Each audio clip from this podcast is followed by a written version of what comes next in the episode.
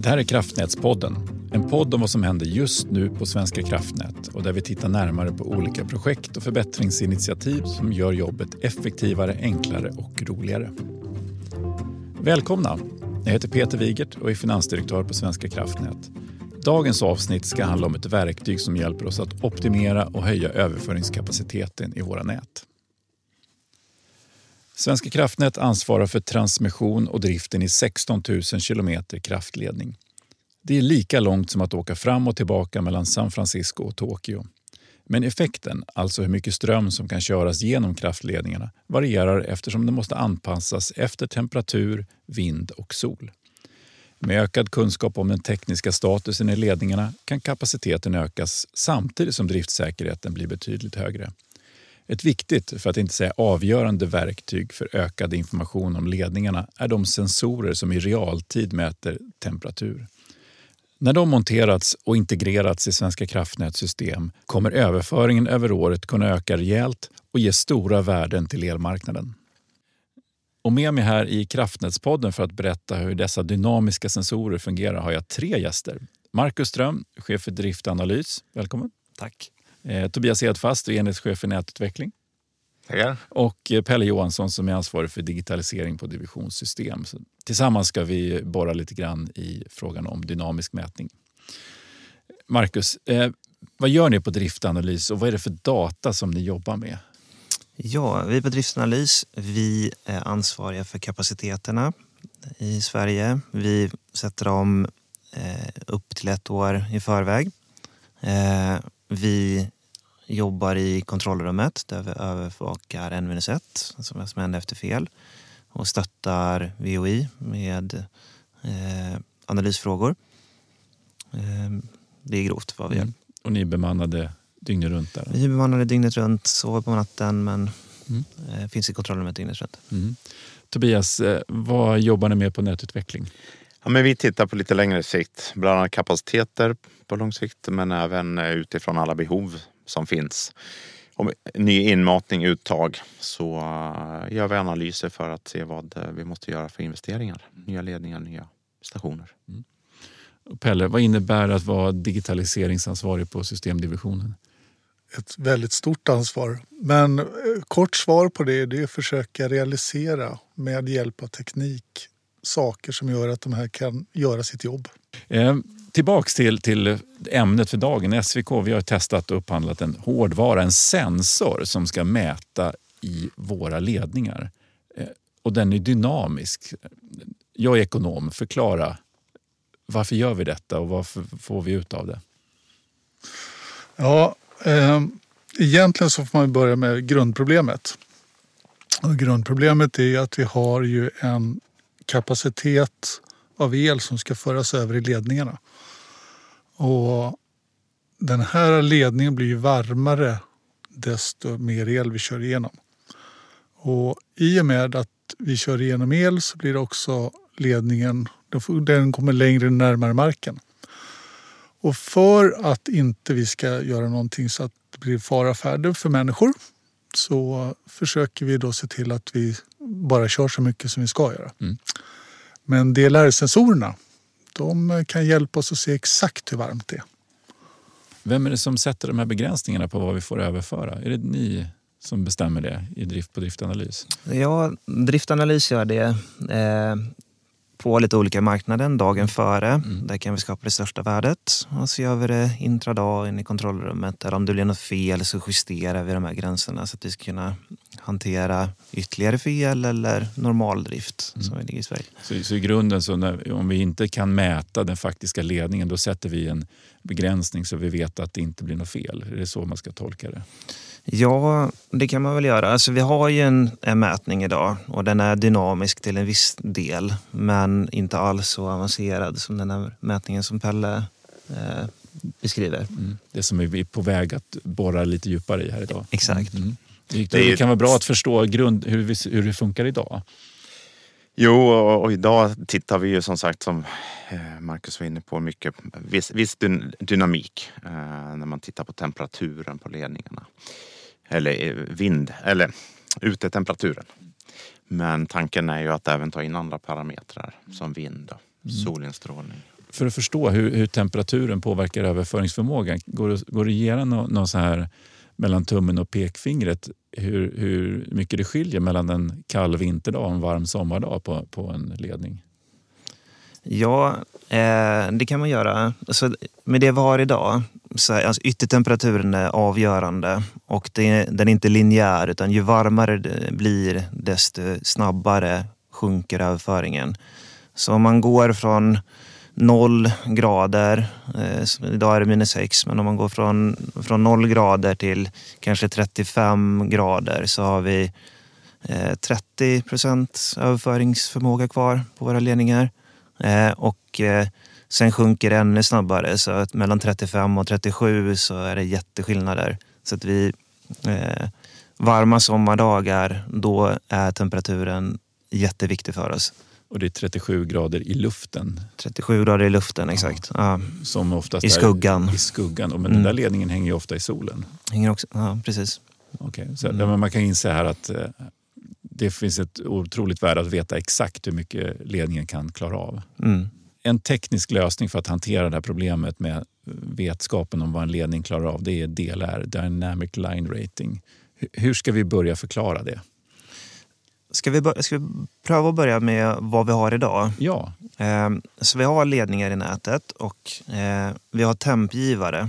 Så vi har kopplat ett gäng termometergivare till våra ledningar. Eh, de ska ligga i närheten av ledningen och vara några stycken. De här temperaturerna går in i vårt skadesystem. Och eh, sen har vi information om ledningen eh, som vi fått från vår konstruktör. Så vi vet ungefär vilken överföringsförmåga den har kopplat till temperatur. Vi förutsätter i det här systemet att det inte blåser någonting. Och vi Eh, ja, men vi har, eh, historiskt sett så har vi väl haft mycket problem med de här tempgivarna men nu har vi kommit ganska bra till rätta med det. Så vi har någonting som funkar ganska bra idag skulle jag säga. Eh, den, det är den, det alternativet som vi har idag. mm. Mm. Och då kommer det in ny teknik då som, som ska kunna hjälpa oss att skapa ytterligare kvalitet. Var ska vi börja? Vem vill berätta? Jo, vi kan väl berätta med vad, varför, varför vi ens har satt upp de här Ja. enheterna. Mm. Och det var så att eh, det är ju så att vi är inte först i världen med det här på något sätt. Utan de här sensorerna har funnits i, i många år tidigare. Och vi gjorde ett pilotprojekt här för ja, kanske två, två och ett halvt år sedan. Innan det blev elkris. Och eh, gjorde en utvärdering av de här sensorerna. Och då satte vi upp dem på några ledningar och testade och lärde oss och så vidare. Och nu då när eh, eh, vi, vi också måste börja tänka att köra ledningarna så effektivt det någonsin går. Så gjorde vi också det att vi har valt ut sju stycken ledningar som är egentligen trånga delar i Sverige och har satt upp de här sensorerna på för att göra det. Mm. Så att det är ju egentligen grund, grundläget till varför. Mm. Så då har vi sju ledningar som är bestyckade med den här tekniken. Och Sen, sen har vi två stycken, vi hade, vi, precis som Pelle sa, så vi körde ett pilotprojekt först i Stockholm, eller utanför Stockholm och sen så satte vi upp samma eller likadana sensorer på ledningar i, utanför Skåne, eller i Skåne. Och eh, vad är erfarenheterna från, från de testerna? Nej men det är alltså Utvärdering har ju visat sig eh, positivt eh, liksom för just överföringskapaciteten och, och eh, vilken el vi kan köra på ledningarna. Eh, det har visat sig att vi, vi kan nyttja dem ja, i snitt 20 till 30 procent högre än vad vi gör idag. Ja, men det, vi vet alla att eh, behoven av el ökar dramatiskt. Eh, både för att mata in förnybar el men också att ta ut eh, på olika ställen. Och behovet av att ha kapacitet är ju, blir ju därmed större. Och vi, vi kämpar ju på med att, att bygga ledningar men det här är ju en annan teknik för att använda befintliga ledningar. Det är ju det är ju som att trimma, Mm. trimma nätet så mycket vi kan. Jag skulle vilja komma tillbaka till det här, vad det faktiskt är för någonting som hänger på ledningarna. Vem kan beskriva det? Jag kan försöka. Eh, För det är en liten klump som man sätter på ledningen? Det är en liten klump på 8 kilo mm. som, som sitter uppskruvad med tre stycken skruvar rakt på ledningen mm. några meter utifrån stolpen. Och eh, den får sin el ifrån ledningen. Så den, den, blir induktionsladdad. Så det blir som en evighetsmaskin, en underhållsfri sak som sitter och mäter då eh, just det här med temperaturen, den mäter värmen på ledningen och den kan också eh, mäta sträckningen på ledningen. Så det innebär egentligen att de där grundparametrarna gör att, att den kan rapportera ifrån sig exakt hur långt ner ledningen är och hur varm den är. För att eh, den känner också av spänningen och det gör att då kan vi räkna ut att ledningen har rört sig sex meter ner eller vad det nu kan vara. Och då, och då har vi reda på det också. Och den informationen kan ju då användas på ett enormt massa bra fördelaktiga sätt. Mm. Berätta mer. Hur, hur, kommer ni på, på nätutveckling ta in den här kunskapen? Det, det är väl utmaningen liksom i, i den här lite mer långsiktiga nätplaneringen. Eh, hur man ska ta det i beaktande. För vi måste titta ändå på alla möjliga temperaturer och, och, och vindprognoser. Så i, i dagsläget så är det ju framförallt kanske driften och eh, några dagar innan man kan utnyttja det som bäst. Sen tittar vi också på, på just så här, hur kan vi utnyttja det i planeringsskedet för att nyttja tekniken som bäst. Vinden är väldigt avgörande i det här. Så vi förutsätter att det inte blåser någonting. Och om det inte blåser någonting runt en varm ledning så uppstår det ändå en liten vind runt den. Så den genererar en egen vind. Och då säger vi att den vinden är 0,6 meter per sekund.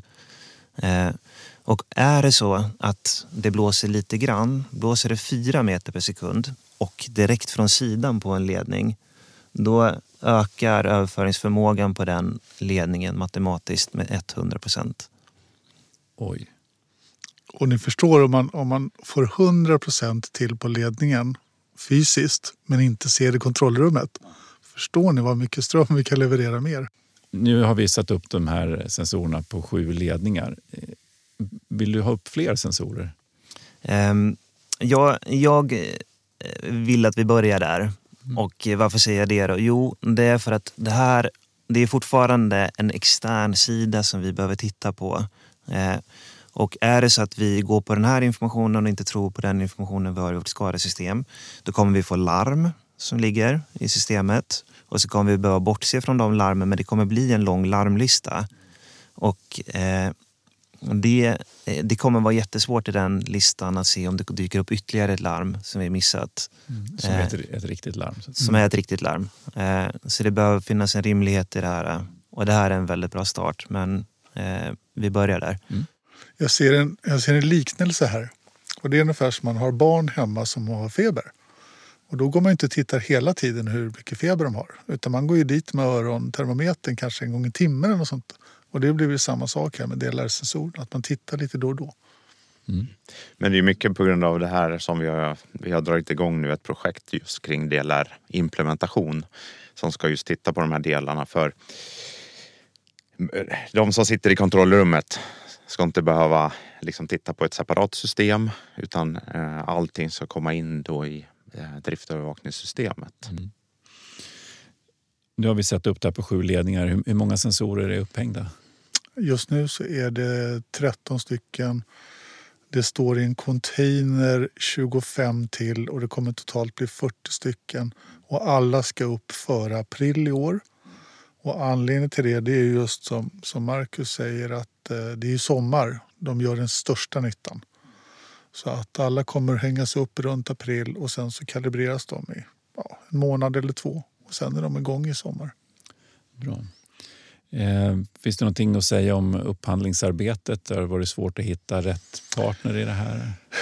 Nej, egentligen var det ju inte det därför att det finns inte mer än tre, fyra olika produkter i hela världen. Och det finns ingen i Sverige, så att de här är vi uppköpta från Belgien. Så att när vi gjorde ansökan så var det, eh, det var en lång process. Men, men det fanns bara en leverantör som hörde av sig. Så det, och det var den vi hade jobbat med, så det var det bästa. Mm. Mm. det här är ett bra exempel på ett effektiviserings och förbättringsarbete och poddens fokus är ju att, att eh, illustrera olika förbättringar. Skulle ni vilja prata lite mer om, om arbetet och vad som har varit lätt eller svårt i att få det här på plats? Att driva förändring. Det, det lättaste det var ju att alla visste att vi skulle göra det. Okej, det var ingen All- tvekan. Nej, ingen tvekan någonstans. Eh, Det var också lätt att få fram pengarna från investeringsrådet. Eh, Det var extremt lätt att få upp dem. Vi gjorde det på i princip två veckor. Det var däremot svårt med upphandlingen. För det var minst sju månaders arbete. Bara göra det. Och sen när vi, hade dem, när, det var, när vi fick klartecken så gick det på två veckor. Tittar vi tillbaks några år innan eh, Pelle började sätta upp de här på sju ledningarna så, så, och, och om man tänker på de här pilotprojekten då var det, blev det ju utmaningar just i det här med att på ett säkert eh, sätt kunna få in mätvärdena i, i vårt drift- driftövervakningssystem. Och det är ju det nu vi, vi, vi jobbar med för att få, få till en lösning. Men där stöter man på patruller. Mm. Mm. Ja, men säkerheten kräver ju vissa saker. Ja, men exakt. Så är det. Och, och där är ju jag den jobbiga som håller på med digitalisering. Det är klart att det går på något sätt. Så att, men vi hittar vägar och vi kommer lyckas. Och svenska folket kommer bli lyckliga. Det blir en avsevärd förbättring av förutsättningarna för att köra nätet. Klart. Eh, nu hänger vi upp eh, 40 sensorer. Hur länge kommer de där hänga? Då? De som har hängt tidigare har hängt i nio år och eh, de funkar. Det är inga problem som, som jag sa, de är underhållsfria. Och eh, när man tittar på de andra länderna som använder det så säger de, vi pratar i procent, så säger man att det kan vara ungefär besparing på 10 procent generellt över tid. Och det blir ju väldigt, väldigt mycket el och pengar. Så nu, nu eh, har vi förhoppningsvis allt på plats för sommaren och sen så kör, kommer vi köra sommaren med lite andra förutsättningar. Hur kommer ni utvärdera det här sen? Ehm, ja, men det blir nog mitt gäng, tänker jag. Ehm, vi behöver ju göra någon form av eh, utvärdering ekonomiskt. Vad har det gett? Vad var kostnaderna och vad, vad sparade vi på det? Ehm, det tänker jag att vi ska sammanställa.